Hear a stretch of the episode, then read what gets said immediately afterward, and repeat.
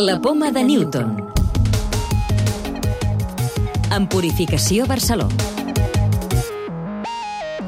Un bacteri intestinal pot ajudar a lluitar contra la depressió i l'ansietat. Us ho expliquem en el programa d'aquesta setmana. També posarem el focus en els símptomes neurològics de la Covid-19 i en una recerca per combatre la diabetis. Investigadors de l'Institut d'Agroquímica i Tecnologia d'Aliments del CSIC han patentat un bacteri intestinal que es podria aplicar en el tractament de la depressió i de l'ansietat.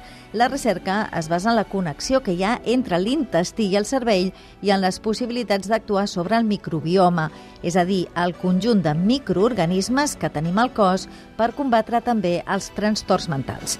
De fet, es tracta d'un bacteri que trobem en individus sants i que ja està vinculat a més longevitat i menys estrès. Ho ha explicat a la poma de Newton Yolanda Sanz, cap d'aquest grup de recerca. Esta bacteria era capaz de producir neurotransmisores, entre ellos serotonina, y lo más interesante es que sometemos a los ratones a estrés social que simula el bullying. Observamos que esta bacteria, además de incrementar las concentraciones de serotonina que podían mejorar la respuesta al estrés de los ratones, también se regulaba la producción de corticosterona que se produce como consecuencia de la respuesta al estrés reducía los síntomas de depresión y algunos de los signos de ansiedad y lo más importante es que reducía la vulnerabilidad de los ratones al estrés. O sea, la misma presión de estrés eran menos susceptibles. Esta es una de las evidencias que confirma que existe esa relación entre el intestino y el sistema nervioso. Es como si imagináramos una autopista con distintas eh, autovías y que al final conectan no solo el intestino con el cerebro, sino también las señales del cerebro con los distintos órganos periféricos. Si tots els estudis posteriors són positius, el bacteri es podria administrar com a medicament oral i també per tractar altres malalties com les del sistema immunitari o les intestinals. Més coses. Tots els símptomes del que es coneix com a Covid persistent podrien tenir un origen neurològic. Hi ha investigadors que treballen sobre la possibilitat que siguin afectacions al sistema nerviós central les que provoquen tots els símptomes. Judit Villar és una de les coordinadores de la unitat post-Covid de l'Hospital del Mar. Una de les hipòtesis és que l'alteració neurològica generada per el virus és la que està donant els símptomes, ja que el sistema nerviós central s'encarga de coordinar l'activitat tant voluntària com involuntària. Això explicaria per què hi hagi persones que presenten sensació d'ofec sense haver tingut ni tan sols pneumonia. Una recerca finançada per la Marató identifica un nou medicament per regenerar les cèl·lules beta en diabetis tipus 1. El que hem fet ha estat utilitzar la intel·ligència artificial per trobar un fàrmac que pugui regular la glucèmia i regenerar aquestes cèl·lules productores d'insulina. Marta Vives, investigadora de l'Institut d'Investigació Hospital Universitari Germans Trias i Pujol.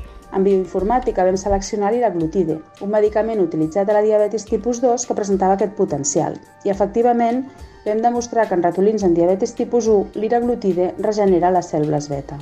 La Covid-19 pot reduir la mida del cervell a un nivell equivalent a envellir 10 anys. Aquest és el resultat d'un estudi del Biobanc del Regne Unit. Els investigadors van comparar exploracions de ressonància magnètica del cervell de cada participant abans de la pandèmia i un cop passada la infecció. I les han comparades també amb ressonàncies de persones que no han patit la Covid-19. En condicions normals, el nostre cervell es redueix entre un 0,2 i un 0,3% cada any a causa de l'envelliment, però en els que havien passat la infecció la reducció arribava fins al 2%, és a dir, un envelliment corresponent a 10 anys. Llibres de ciència. Avui us proposem un llibre que ens descobreix els noms de 100 científics bàsics en la història de la humanitat. 100 protagonistes de la història de la ciència d'Ignasi Llorente ens parla per ordre cronològic d'un centenar de figures que han marcat el camí de la investigació al llarg dels segles. L'obra s'estructura en capítols que inclouen la biografia de cadascun d'aquests protagonistes, les seves principals contribucions a la ciència i també curiositats sobre la seva vida personal. Per les pàgines del llibre passen, entre d'altres, Tales de Milet, Charles Darwin, Marie Curie i també científics i científiques més contemporanis, com poden ser Jane Goodall. Un recull que, amb el llenguatge planent, s'acosta als principals moments que han marcat el coneixement i han contribuït a l'avenç científic arreu del món. La clau de volta.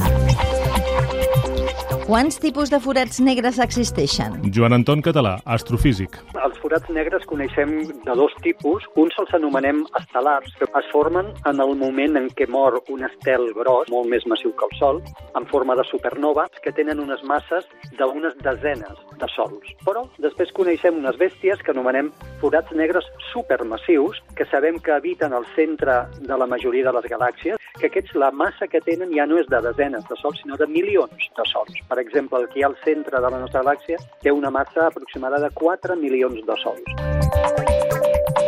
Recordeu que podeu descarregar-vos el podcast de la Poma de Newton o subscriure-us al programa per rebre'l directament als vostres dispositius.